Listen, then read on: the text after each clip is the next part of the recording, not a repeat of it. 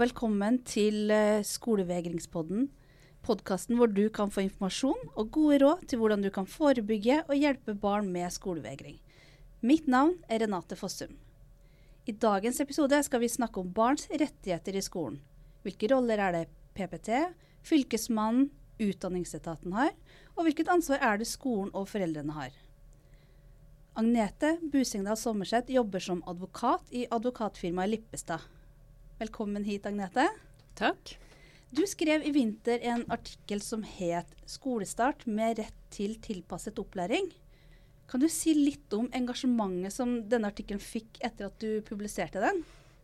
Ja, det var eh, egentlig ganske overveldende. I løpet av ganske kort tid så var det nesten 10 000 personer som var nådd. Uh, den uh, fikk mange delinger og masse reaksjoner uh, og kommentarer. Det var jo veldig moro. og det viser jo at det er et tema som berører veldig mange. Kan du dele noen konkrete tilbakemeldinger som, som du fikk?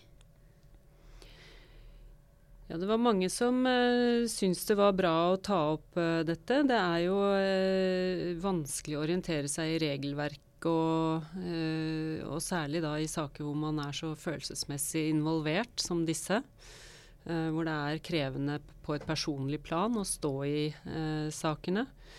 Um, vi har fått en del spørsmål rundt spesialundervisning, kanskje særlig. Prosessen frem til vedtak, hvordan man kan klage, til hvem.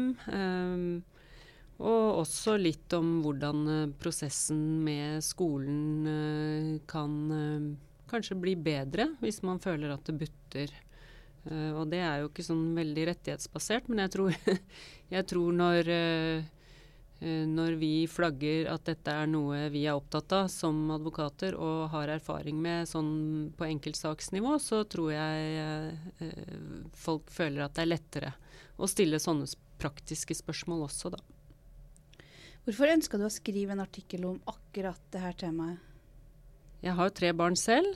Eh, vi har hatt mye med skole å gjøre opp gjennom årene, eh, bare i kraft av det. Eh, og gjennom jobben har jeg jo sett at det er en del barn som sliter av ulike årsaker. Uh, og hjertet mitt brenner for disse barna. De tilbringer så stor del av uh, både hverdagen og livene sine på skolen. Og, og det å ikke ha en uh, god opplæringssituasjon, det er jo veldig, veldig vondt.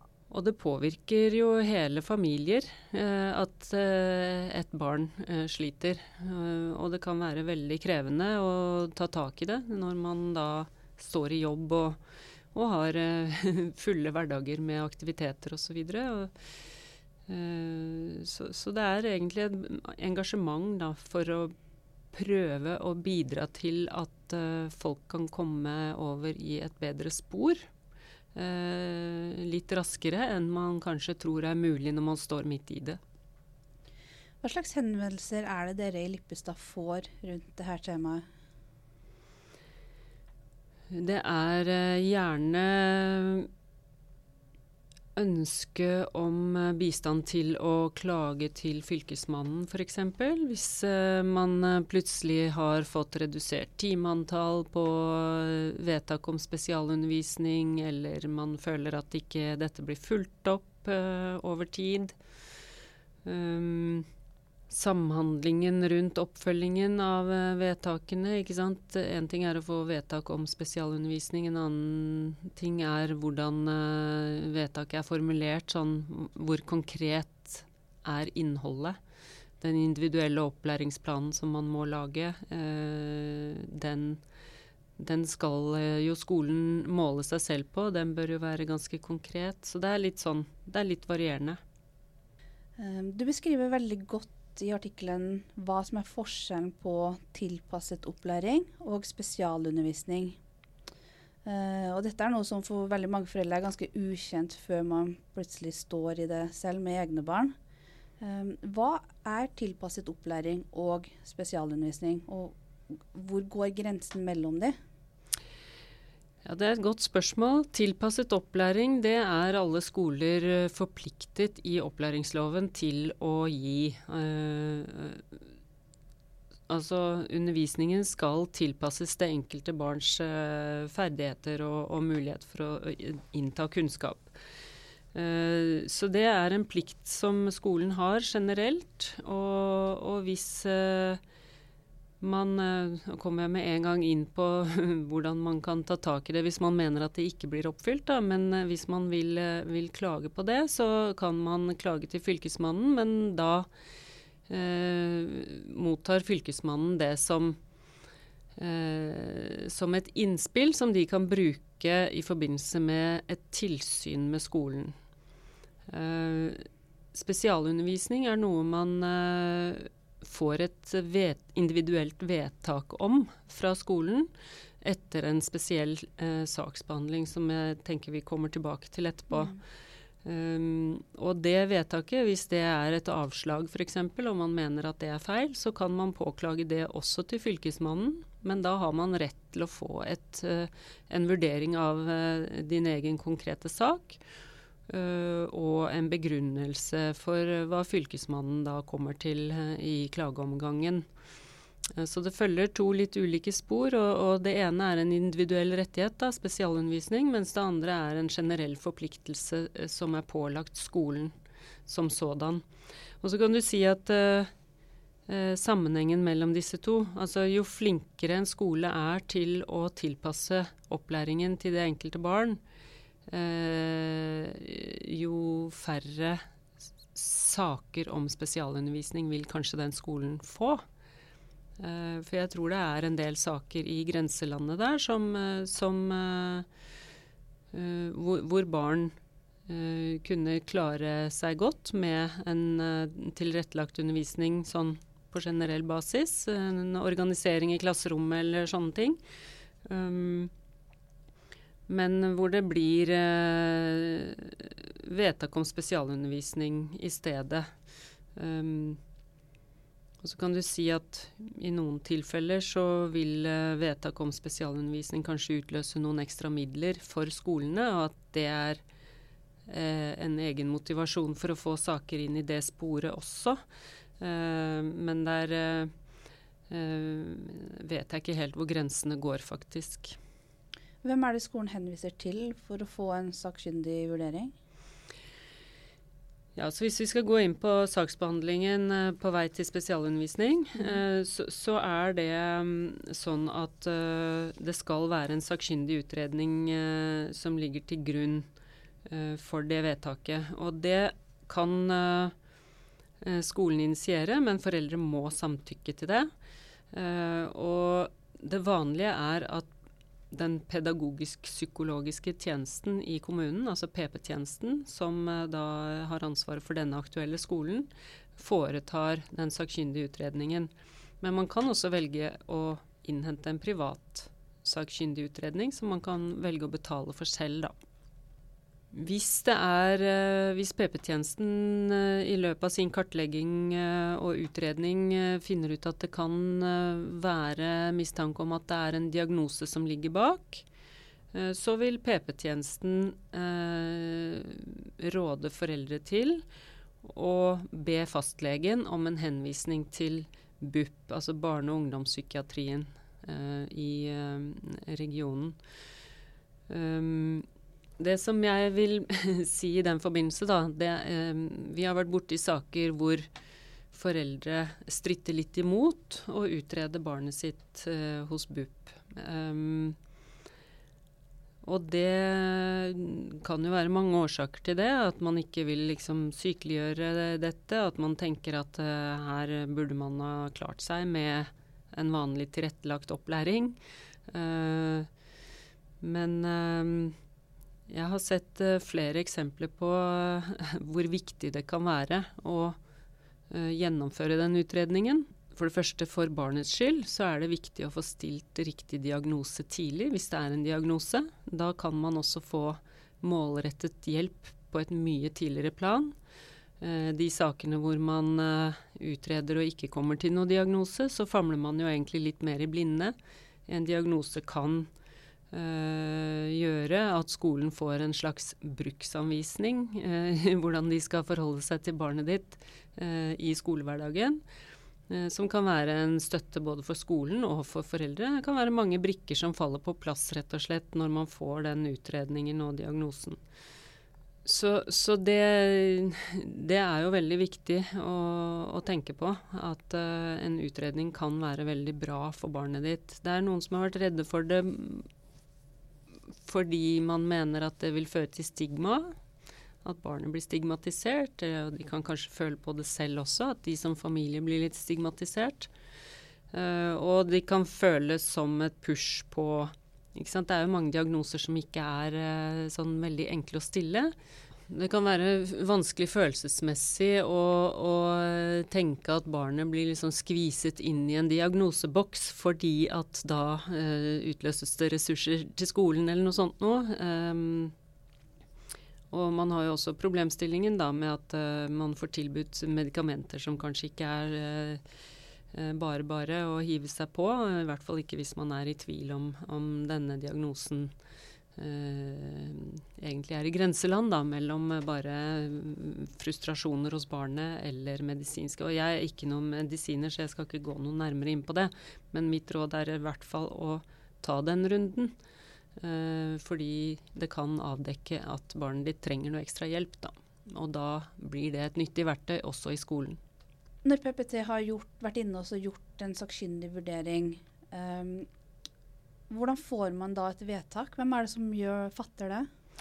Det er skolen som skal uh, fatte vedtak om spesialundervisning. Uh, og det skal begrunnes, uavhengig av om, det er, uh, om du får medhold eller om det blir avslag. Så skal du få en begrunnelse for hvorfor, og der skal det også da angis hva vedtaket går ut på. om det er én-til-én-læringssituasjoner, om det er gruppetimer, om det er i alle fag eller bare ett fag. Og, og, og, det skal, etter at dette vedtaket er eh, besluttet, så skal det også lages en individuell opplæringsplan, en såkalt IOP.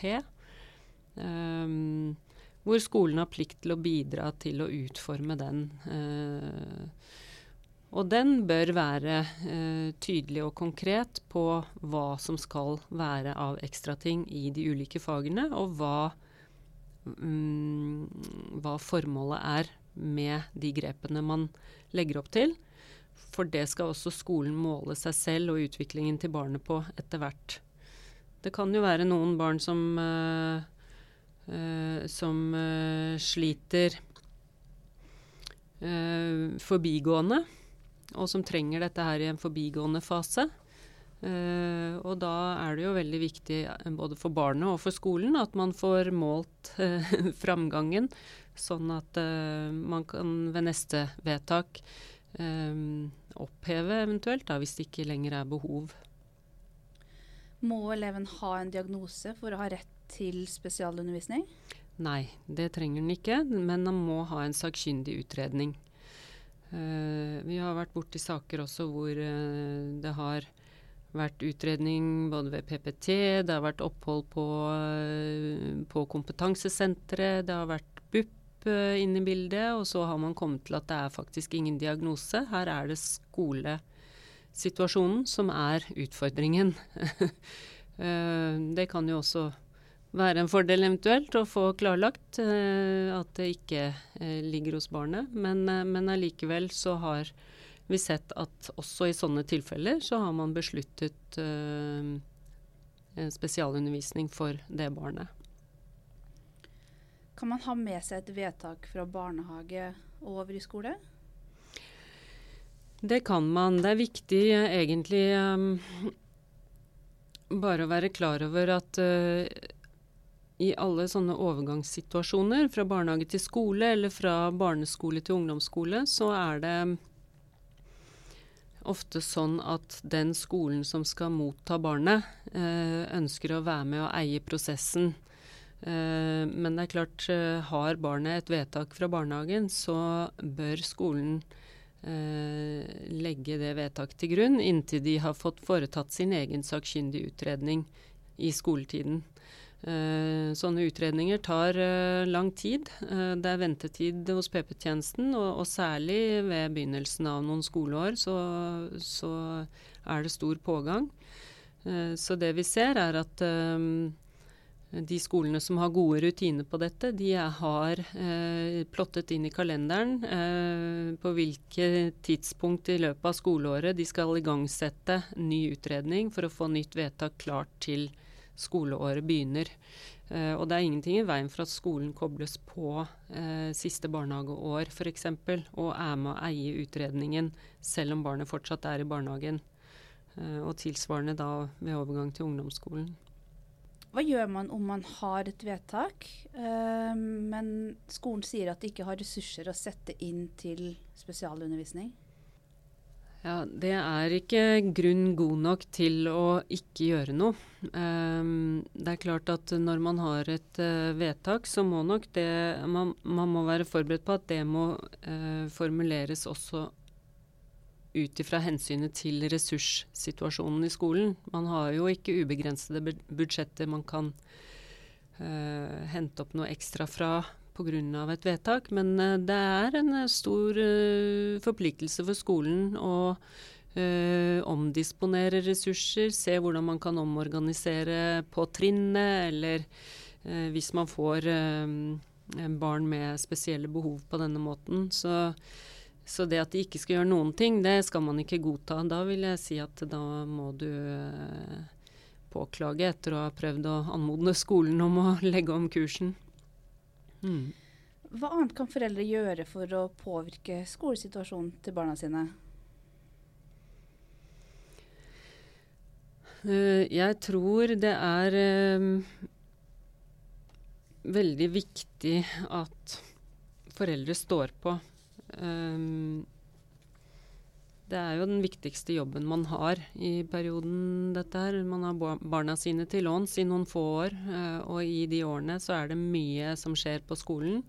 Uh, og, og, der har man uh, Der må man bare være på. det det, det jeg vil gi råd om, er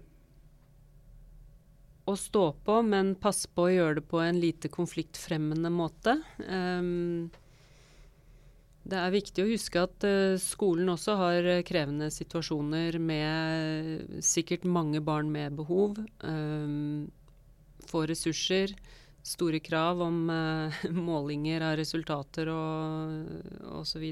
Men det å ha en god dialog, det er, det er, veldig, veldig avgjørende i disse sakene, ser vi. Så det, for å få i stand en sånn god dialog, så ville jeg um, istedenfor å la følelsene løpe av med meg, så tror jeg ville satt meg godt inn i hvilke rettigheter barnet mitt har. Uh, etter uh, lov å være tydelig på at man er klar over disse rettighetene overfor skolen. Um, og så stille åpne spørsmål til skolen som viser at du har en forventning om at de har et system på plass for å håndtere nettopp sånne saker. Uh, og, og vise gjerne også i dialogene at man anerkjenner at det er en skvis der, og særlig til kontaktlærer. Det er jo ofte kontaktlærere ikke har den nødvendige backingen oppover i systemet i egen skole. Uh, det er helt avgjørende at ledelsen også er med på laget og vil klare å løse uh, utfordringene. Uh, så det kan jo hjelpe kontaktlæreren også uh, å føle at dere er på lag for å få klassesituasjonen uh, god for alle barna, inkludert ditt eget barn. Og så ville jeg begynt veldig tidlig. med en gang jeg så at det var noe som butta. Altså ha en dialog uavhengig av om, om ting går bra eller ikke. Det er klart Hvis ting fungerer, så kan man ikke forvente at læreren skal svare på 30 e-poster hver eneste fredag eller flere ganger i uka eh, vedrørende alle barna. Eh, men eh, hvis man ser at det er tegn til vegring f.eks., så ville jeg veldig tidlig gått inn på det og, og, prøvd å finne ut av hva det var, for å eh, kunne kanskje ta tak i og løse ting før det låser seg helt. Da. Men det viktige tenker jeg altså at det, er, det er, mange måter å stille krav til skolen på. Eh, man trenger ikke å bli oppfattet som eh, en plagsom, eh, konfliktsøkende, hissig person, selv om man eh, stiller krav eh, på vegne av barnet sitt. Og man kommer veldig, veldig langt med en god dialog. Men det som vi dessverre ser, er jo at det er en del saker som låser seg, um, og hvor det trengs å gå til Fylkesmannen f.eks. og klage over uh, at ting ikke skjer, eller å klage over vedtak som ikke følges opp. Så selv om man har en god dialog og man er ofte i kontakt med skolen, så skal man være veldig, veldig opptatt av dokumentasjon på den kontakten som har vært. Um, jeg pleier, eh, og dette gjelder ikke bare skolevegringssaker eller skolejussaker. I alle advokatsaker så er vi veldig, veldig glad eh, for saker hvor det fins god dokumentasjon på hva som har skjedd. Eh, eller ikke har skjedd, som det gjerne er i skolesakene. Og da er det viktig å bekrefte på e-post hva man har snakket om, hva man har blitt enige om av tiltak med barnet. Eh, hvis man er i møte med skolen, så be om møtereferat. Og hvis de ikke skriver møtereferat, eller de skriver et du ikke er enig i, så send gjerne en e-post tilbake hvor du oppsummerer hva som ble sagt i møtet, og din versjon av det. Din forståelse av det. Eh, sånn at man har eh, dokumentasjonen i ettertid. Og les referatene som kommer nøye. Eh, for det kan også være litt avgjørende senere, hvis man har fått referater og man ikke har reagert på noe som, som skolen egentlig da har oppfordret til en reaksjon på hvis man var uenig, så, så kan man jo eh, så kan man jo ikke bebreide skolen for å ha gjort noe galt i ettertid. Um, og det samme med den individuelle opplæringsplanen. Utformingen og oppfølgingen av den. Les nøye hva det står om uh, organisering av undervisningen f.eks. i planen, og hvordan de har tenkt å måle det. Uh, for der kan det være mange litt vage, uh, punkt, vagt angitte plikter liksom på skolen, og vagt angitte målinger, og hvordan skal man da egentlig vite om ting fungerer eller ikke. Um, det skal være etterprøvbart, da. Um, men hva gjør man hvis, med tanke på dokumentasjon, hva gjør man hvis skolen um, tar kontakt over telefon, og, du, og, det foregår muntlig? Hvordan skal man få dokumentert det? Hvis det er um, noen viktige forhold som blir tatt opp, eller man blir enige om å prøve ut noe, eller uh, sant, at det er noe som er verdt å dokumentere Ofte kan det jo bare være en statusformidling. Der, da kan man jo notere for seg selv eventuelt da, hva um, som er sagt, før en dagbok eller noe. Men dersom man har blitt enige om noe som dere ønsker at skal følges opp, Eh, så ville jeg sendt en uh, hyggelig e-post i etterkant og sagt uh, hei, jeg viser til hyggelig samtale hvor vi ble enige om sånn og sånn. Takk veldig for at vi er på lag i denne saken og ser frem til et videre godt samarbeid. Altså, det er ikke sant, Setter pris på at du er tilgjengelig på telefon og velge den innfallsvinkelen, så får du flettet inn også det som de har forpliktet seg til i samtalen. Hva er den vanligste dokumentasjonen mange i etterkant ser at de mangler? Vi ser veldig ofte at det slurves med uh, å skrive referat fra møter. Rett og slett. Um, og da blir det jo veldig vanskelig. Um, så det, det, er egentlig den største um, feilen, eller største mangelen i mange saker. Uh, da blir det jo litt ord mot ord, da. Og så kan det selvfølgelig være um, vedtak som ikke er sånn veldig nøye begrunnet fra skolens side. Da blir det jo litt vanskelig å vite hva man egentlig har fått og ikke, og hvorfor. Uh, det gjør jo også saken uh, Altså da blir det mer krevende å klage. men der kan man tillate seg, tenker jeg, å stille skolen spørsmål om å få en tilleggsbegrunnelse fordi man ikke helt får tak på hva dette her innebærer. Um, du nevnte Fylkesmannen. Um, kan du si litt om uh, hva Fylkesmannens rolle er? Ja, altså i opplæringsloven så står det at departementet egentlig er klageinstans for uh, saker etter opplæringsloven. Uh, departementet har delegert den uh, myndigheten til å behandle klagene til Fylkesmannen.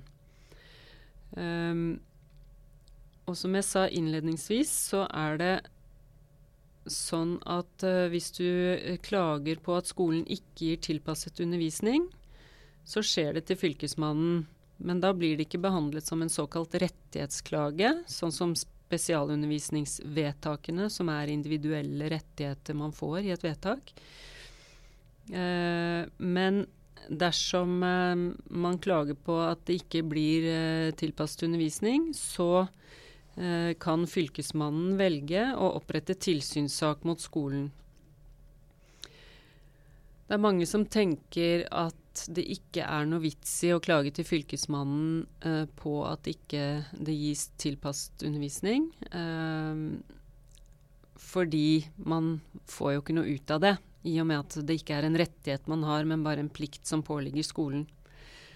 Um, det som kan være greit å tenke på da, er at um, dersom Fylkesmannen får inn flere klager fra foreldre på samme skole, så vil det jo være mye større grunn for Fylkesmannen til å ta tak i skolen og se på rutinene de har og systemene de har for uh, å følge loven på dette punktet. Uh, og derfor så blir det faktisk ganske viktig at de som føler at de butter mot gjentatte ganger i kontakten med skolen, at man sier ifra til Fylkesmannen eller melder ifra da. Um, Fylkesmannen er jo også ganske overarbeidet, eh, sånn at de må jo velge hvilke saker de skal ta tak i. Og da velger de jo både ut fra alvorlighetsgraden, vil jeg tro, i den enkelte sak, men også eh, dersom det kommer mange fra samme skole, så, så, er de jo nødt til å se på det. Det samme kan man jo eh, selvfølgelig si om Utdanningsetaten.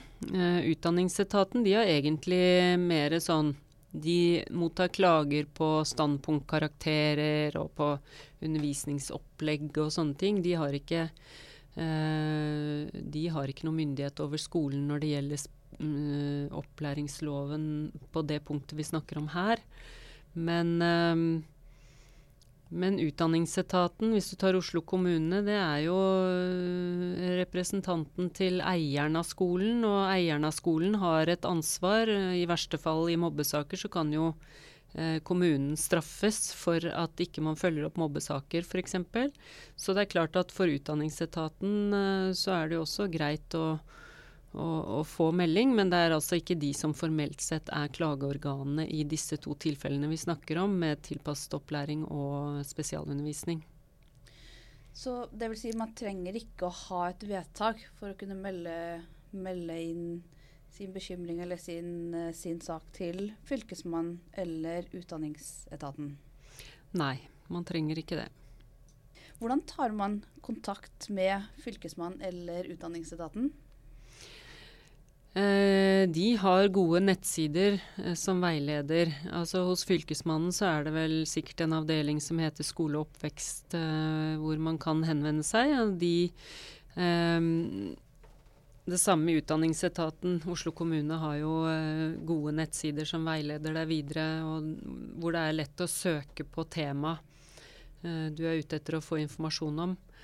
Uh, og da er det jo gjerne enten en e-post uh, eller uh, en telefonhenvendelse. Man kan absolutt ringe til offentlige etater, til sentralbordet, si kort hva saken gjelder, og så finner de den rette saksbehandleren som kan noe om dette feltet, som kan veilede deg videre. Og det vil jeg si, altså Fylkesmannen og Utdanningsetaten det er såkalte forvaltningsorganer som må følge forvaltningsloven.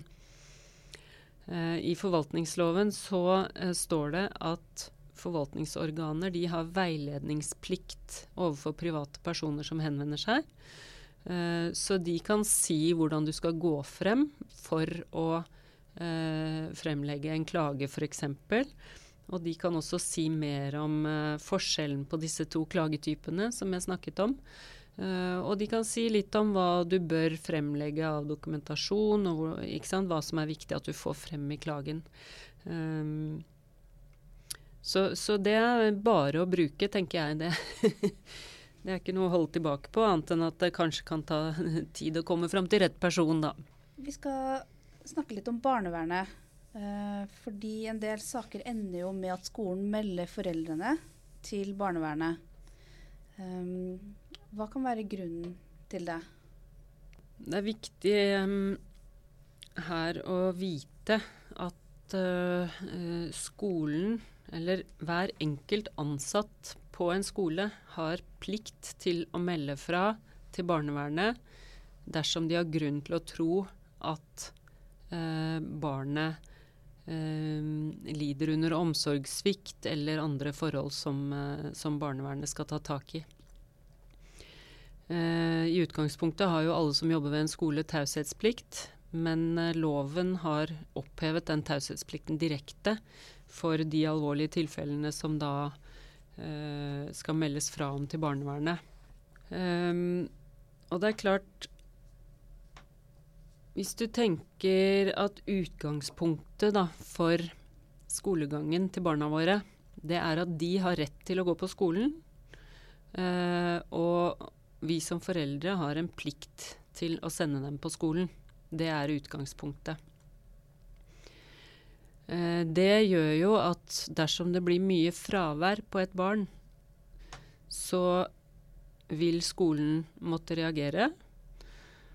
Og da kommer vi tilbake igjen til hvor viktig den dialogen med skolen er, hvor man har tett kontakt dersom det begynner å butte. Og det er klart, I skolevegringssaker så kan det jo være mange årsaker til at barnet er borte. Eh,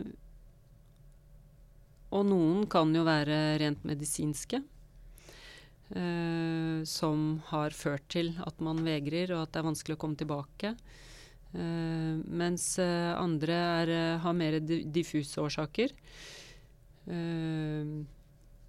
og uten en god dialog med skolen da, så får man jo heller ikke en forståelse for at dette her er reelt, kanskje, i enkelte tilfeller. I enkelte tilfeller kan kanskje Vi har sett faktisk eksempler på at uh, barnevernet har vært koblet inn i saker um, hvor det har vært uh, mistanke om at uh, foreldre har vært for ettergivende med barna og latt barna styre mer selv. At det har begynt med kanskje at barnet ikke har villet på skolen av ulike årsaker. Um, og så har foreldrene gitt etter, og så har barnet skjønt at det har makt. og fortsatt å stå på at jeg vil ikke, vil ikke. Uh, og så blir det en, en bekymringssituasjon da, som skolen velger å ta tak i, kanskje, på den måten. Hva, hva kan være utfallet da i en sånn sak? Eh, barnevernet plikter da å, å, undersøke saken. Og det er klart at dersom man har en god grunn til at barnet er borte, og det er eh, eh, skolevegring som man bare kan forklare, så, jo, så vil jo eh, barnevernet avslutte saken. Mm, men det er jo også viktig å tenke på at altså, ofte i sånne saker så blir jo barnevernet snakket om med negativt fortegn. Eh, fordi man er veldig engstelig for hva de vil gjøre. Men barnevernets eh, største ønske, tror jeg, det er å få lov til å komme inn eh, på et tidlig tidspunkt og være med og støtte foreldrene og forebygge at ting utvikler seg. Uh, og, og, og, det skal man ikke glemme, at de kan være en ressurs med på laget, også i sånne saker som skolevegringssaker. Um, jeg vet jo at uh, barnevernet også uh, ser på foreldre som selv oppsøker hjelp fra barnevernet uten at det har vært meldt, som eh, foreldre som tar ordentlig ansvar. Da ser man eh, at man kommer litt til kort på egen hånd, eh, og man innhenter faktisk hjelp. Det er en styrke framfor å la det skure og gå til det ikke går lenger. Hva gjør man hvis man mener at man har blitt feilaktig meldt inn til barnevernet? Altså, I loven så står det at eh, skolepersonell de skal ikke melde inn vage mistanker. De, de skal, det skal være grunn til å tro at det er noe galt. Uh, så det betyr jo at uh, dersom man melder inn uten, uten grunn og på vag mistanke, så er jo det kritikkverdig. Da, da får man jo uh, rette en henvendelse til skolen om det. og dersom barnevernet kobler seg på etter en sånn vag mistanke, så vil det vel i de fleste tilfellene være enkelt å tilbakevise at dette her har noen grunn. Men jeg vil igjen minne om at i opplæringsloven er denne plikten for de som jobber på skolen, øh, veldig streng. Uh, jeg tror også faktisk at de kan uh, komme i ansvar dersom de ikke melder fra. Så det, det, jeg, jeg, har veldig respekt for at disse sakene er utrolig krevende på begge sider. Eh, både for eh, skolen og for foreldrene. Og at eh, man kan bli fortvilt. Så derfor igjen, altså, det er eh, viktig å eh, prøve å være åpen med skolen og få den der gode dialogen, tenker jeg. Um, krever det samtykke fra foreldre før, før man blir meldt til barnevernet av skolen? Nei, det gjør det ikke. Det er en selvstendig plikt som pålegger, påligger skolen. Mm. Har, man, har, foreldre krav da på å få innsyn i den bekymringsmeldinga som blir sendt til barnevernet? Eh, altså, det du kan si er at um, når uh, det blir meldt til barnevernet, så kan jo barnevernet uh, velge to ting helt innledningsvis. De kan uh, se på henvendelsen som grunnløs og bare se bort fra den og melde tilbake at dette tar vi ikke i, dette er grunnløst. Det andre er at de velger å undersøke saken, og da vil de jo ta kontakt med foreldrene. Og så vil foreldre da på vanlig måte ha innsynsrett i sin sak. Um, det hender jo at det blir anonyme meldinger til barnevernet, men det er ikke så vanlig i sånn skolesammenheng. Da vil jeg jo tro at man, man uh, melder ifra. Men hvorvidt det er interessant hvem på skolen som har meldt ifra om forholdet, det vet jeg ikke. Det viktigste er jo å se hva de har meldt fra om. Når det gjelder undervisning, hvis da foreldre ikke får uh, barnet på skolen, har da barnet krav på undervisning allikevel? F.eks. kan man kreve hjemmeundervisning? Uh, til en viss grad så kan man kreve noe hjemmeundervisning. Jeg ser i noen saker at skoler uh, i hvert fall kommer uh, hjem til eleven Altså at en lærer kommer hjem til eleven innimellom, og da har med seg et opplegg som eleven kan følge hjemme. Uh, som man kan levere inn. Det er jo enda enklere å følge klassens undervisning også nå som man har mye uh, nettbasert uh, gjennom disse portalene som de bruker. så det å lage et alternativt opplegg til et barn som vegrer, det burde egentlig ikke være noen sak, men det er klart at oppfølgingen av at det blir gjort, det vil jo havne da på foreldrenes skuldre i større grad. Uh, enn det gjør når de uh, også er på skolen på dagtid. Da. Men kan skolen kreve at uh, hvis barnet skal ha hjemmeundervisning, så er det da foreldrene selv som har ansvaret for det? nei, de kan ikke dytte ansvaret over på dere. Men det er klart at gjennomføringen av hvordan Altså det å være en støtte der og da, det vil jo i større grad bli foreldre eh, styrt, ikke sant. Når man skal gjøre dette, eh, og på hvilken måte.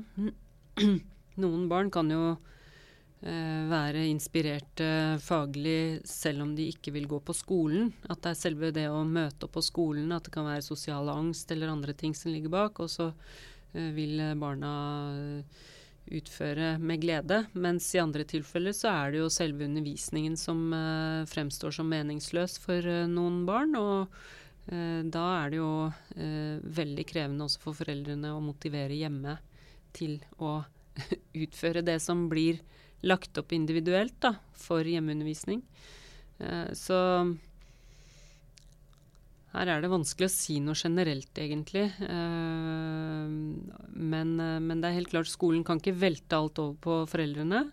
Eh, og man kan, eh, etter min mening, forvente at eh, en lærer kan komme hjem med jevne mellomrom. Eh, alt avhengig av hvor langvarig og omfattende dette her er, og hva det skyldes. Men oppfølgingen av det vil nok havne litt i fanget på foreldrene, ja. Vi har fått inn noen spørsmål fra våre følgere på Facebook. Um, og der er det noen som spør hva med foreldre som blir meldt til barnevernet på uriktig grunn? Kan den som melder til barnevernet, f.eks. da det er skole eller BUP eller PP-tjenesten, eh, bli skyldig i å betale erstatning? Um, det syns jeg altså er litt vanskelig å uh, se for meg. Um, for å få erstatning for noe, så må det jo ha skjedd en skade, eller du må, må ha litt et økonomisk tap.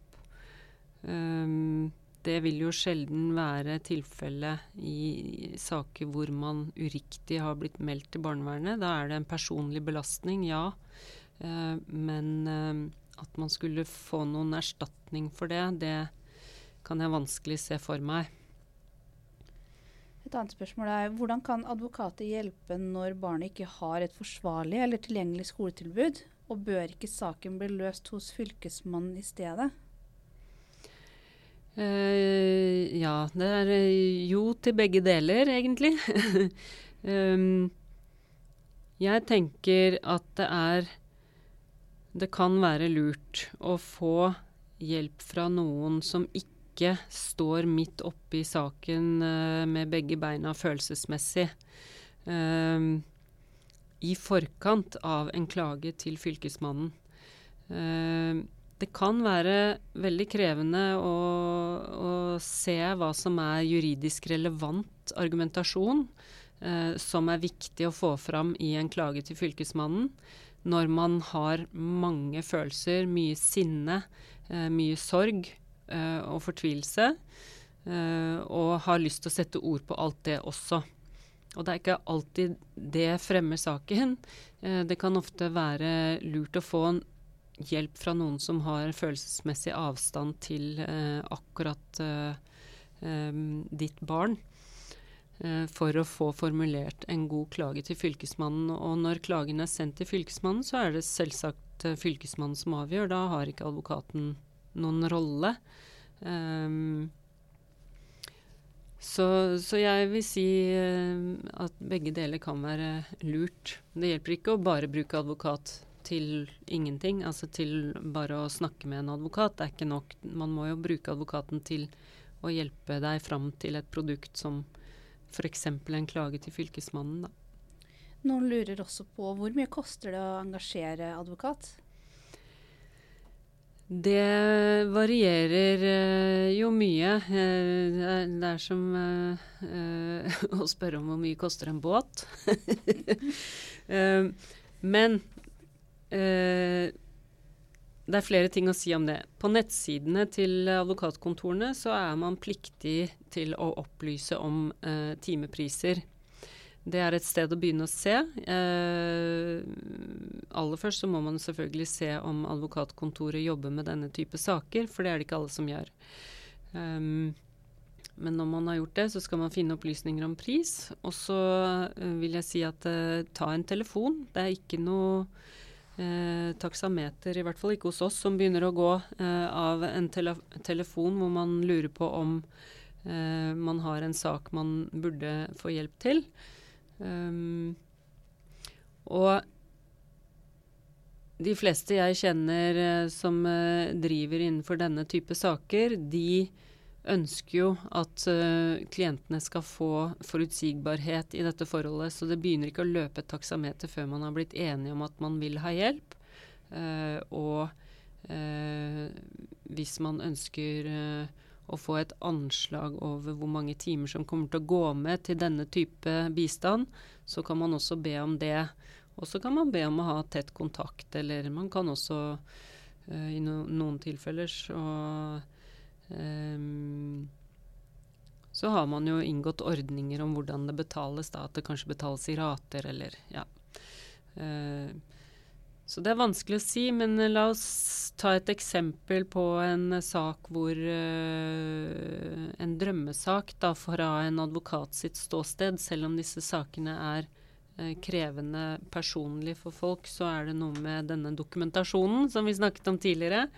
Um, dersom det kommer en klient som ønsker bistand til å klage til Fylkesmannen, og har dokumentasjon eh, som det er mulig å gå gjennom, og, og det er eh, en ryddig sak, eh, så gjør man jo jobben mye lettere for en advokat også, sånn at det går på færre timer enn om man må begynne liksom å, å grave. Så jo mer jobb man gjør selv mm, hjemme med å systematisere det som har skjedd, og, og kanskje sette opp en sånn eh, tidslinje over fakta som eh, ligger til grunn, eh, jo enklere er det for advokaten å ta tak i det. Kan et barn gå til søksmål mot kommunen for tapt skolegang? Det kan man uh, gjøre. Uh, det, vi, har, vi, har, jo også fått spørsmål om man kan anmelde en skole. Um, så jeg, jeg, kunne tenkt meg bare å si litt om forskjellen der. Fordi å anmelde en skole, det, det er et uh, strafferettslig spor. Det er at man går til politiet og anmelder et straffbart forhold. Eh, tapt skolegang er i seg selv ikke et eh, straffbart forhold. det må ha begått noe straffbart, som f.eks. at man ikke har grepet inn i mobbesaker. eller man har brukt tvang uten å ha hjemmel til det. Eh, da kan det være eh, straffbart etter straffeloven, med, med regler om kroppskrenkelser osv. Um, ehm, og i opplæringsloven så er det regler om uh, at skolen, både personalet uh, som har sviktet, og rektor uh, og skoleeier kan bli straffet for ikke å ha grepet inn i mobbesaker. Og for personal og rektor så kan det faktisk eh, idømmes fengsel inntil tre måneder. I tillegg til bøter, eh, eventuelt. Um, det andre sporet, som det er å saksøke, det har ikke politiet noe med. Da er det at man går til en advokat. man er ikke enig uh, f.eks. med vedtaket som Fylkesmannen fatter heller. Eller man kommer etter noen år og ser at, um, at uh, barnet, som da ikke fikk det den skulle ha på skolen, uh, ikke er i stand til å komme seg i jobb, uh, og har litt økonomisk tap og er skadet pga. den manglende skolegangen. da kan man saksøke skolen. Uh, da er det gjerne krav om erstatning da, som står i, i uh, forkant der. Uh, og da er det viktig å vite at den skaden, eller det økonomiske tapet, det må være pga. den tapte skolegangen. sånn at hvis man har fått psykiske plager, så er det ikke nok å påvise at man har psykiske plager, men man må også påvise at de psykiske plagene skyldes skolegangen. Um, og, og, sånne saker, da må man selv gå til advokat, så må man saksøke skolen og sende det inn til tingretten. Øh, og med kopi til skolen som saksøkes, og så er man i gang. Og de sakene er jo mye lengre, mye tyngre og mye dyrere. Uh, for de er ikke dekket av staten, sånn som uh, straffesaker kan være da, hvis man er fornærmet. I enkelte saker så får man jo da gratis advokatbistand fra staten. Du nevnte det med tvang, å bruke tvang i skolen. Er det noen tilfeller hvor skolen har lov til å bruke tvang? Det er noen tilfeller eh, hvor eh, det er fattet noen vedtak eh, i forbindelse med psykisk utviklingshemmede barn f.eks. som må beskyttes mot seg selv, eller må beskytte, beskyttes mot oss og skade andre. Uh, men det er helt spesielle saker hvor det er snakk om da uh, f.eks. Å, å støtte med belter og sånn, så ikke barnet faller ut av rullestol osv. Um, det er veldig snever adgang til å bruke tvang for øvrig i skolen. Um, det står det en del om også på, på, på nett. Um, I utgangspunktet er det bare nødrett og nødverge, eh, som det heter, som kan eh, tillate bruk av tvang. Det må jo være der hvor barnet gjør noe som eh, som gjør at andre uh, sin liv og helse står i fare, på en måte, da. Eller eget. Da kan man løfte dem unna eller uh, holde dem fast eller Ja. Men, men det er veldig, veldig sjeldent. Um, og hvis skolen skulle bruke tvang eller vold mot et barn som det da neppe er hjemmel for å gjøre, uh, så eh, bør skolen ha et avvikssystem hvor dette meldes fra om i systemet. Og da må jo skolen ta opp det som alle andre HMS-avvik i en bedrift, og bedre rutinene sine og tette det hullet. Og sørge for at det ikke skal skje igjen og avvik det er jo det samme som uønskede hendelser. Og uønskede hendelser det er jo når man da bryter regelverket overfor barna. Eh, det skal jo ikke skje. I tillegg til at de mm, skal melde avvik, så er det jo i de groveste tilfellene, eh, veldig sjeldne heldigvis, et strafferettslig spor. Uh, ikke sant? Det jeg nevnte i sted, med kroppskrenkelse f.eks. Det uh, er straffbart. Uh, så og det kan også være et arbeidsrettslig spor som skolen må følge opp overfor den læreren eller det personalet som da har utøvet denne tvangen eller volden mot uh, barnet. Så det er egentlig det apparatet som regulerer uh, bruk av tvang. Uh, på nett så skiller de mellom mellom nødrett, nødverge og andre inngripende tiltak på den ene siden, mot da eh, mindre inngripende tiltak som er lov. ikke sant? Sånn hvis et barn er, har utagert og er veldig urolig, så snakker man dem eh, til ro, og så geleider man dem ut av klasserommet med en førende hånd, f.eks. Eh, liksom, eh, det er ikke inngripende. Um, men eh, hvis man eh, løfter et barn ut av klasserommet f.eks., så er neppe det innafor. Hva om en elev eh, prøver å stikke av fra skolen? Har de da lov å holde det barnet igjen fysisk? Nei, det har de uh, i utgangspunktet ikke. Um, og det er klart, det her uh, er jo vanskelig. Noen uh, foreldre kan jo ønske at lærerne skal holde dem igjen. Fordi at når de først har stukket av, så er det jo veldig krevende å finne ut av hvor de er eh, innimellom. Um, men, eh, men eh, lærerne har altså ikke lov til å fysisk holde dem igjen. La oss si at det da har skjedd på en skole at eh, en ansatt eh, har måttet brukt fysisk makt eller tvang eh, mot en elev. Er da skolen pliktig til å informere foreldre om det, og hvordan da?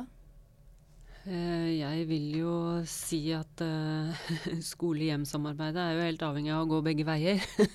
sånn at hvis det har uh, skjedd noe sånt på skolen overfor barnet ditt, så er det jo også en fordel om skolen informerer foreldre også før barnet kommer med egen versjon, vil jeg si.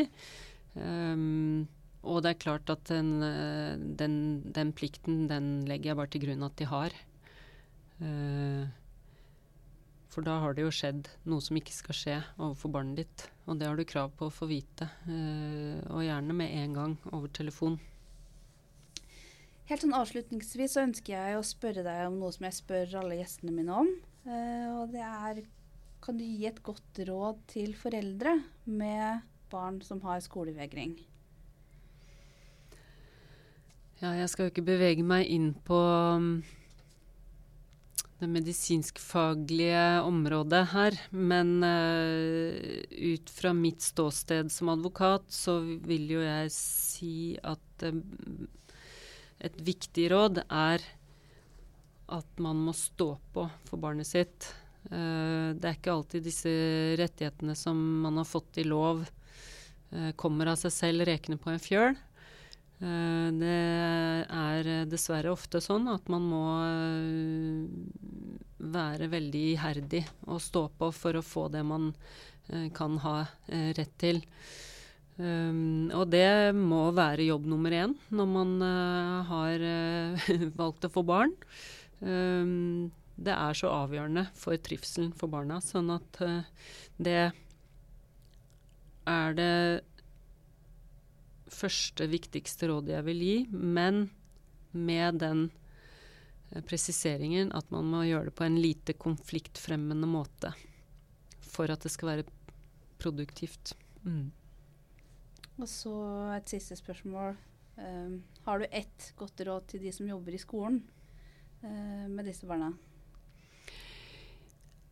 Det er nesten så man kan speilvende rådet. Uh, jeg vil jo også si til skolen at ta heller en prat for mye enn for lite med foreldrene. Vis at uh, man ser hva foreldrene står i, uh, og vær tydelig på hva skolen har av virkemidler og ikke. Jeg tenker det å være imøtekommende og raus selv om man da ikke kan Uh, møte forventningene til foreldrene på øverste hylle, kanskje, alltid. Eh, det uh, fremmer jo også dette gode samarbeidet og den gode dialogen, som er helt avgjørende for at både skole og foreldre skal føle at barnet får det på best mulig måte. Tusen takk skal du ha for at du stilte opp og delte din kunnskap med oss.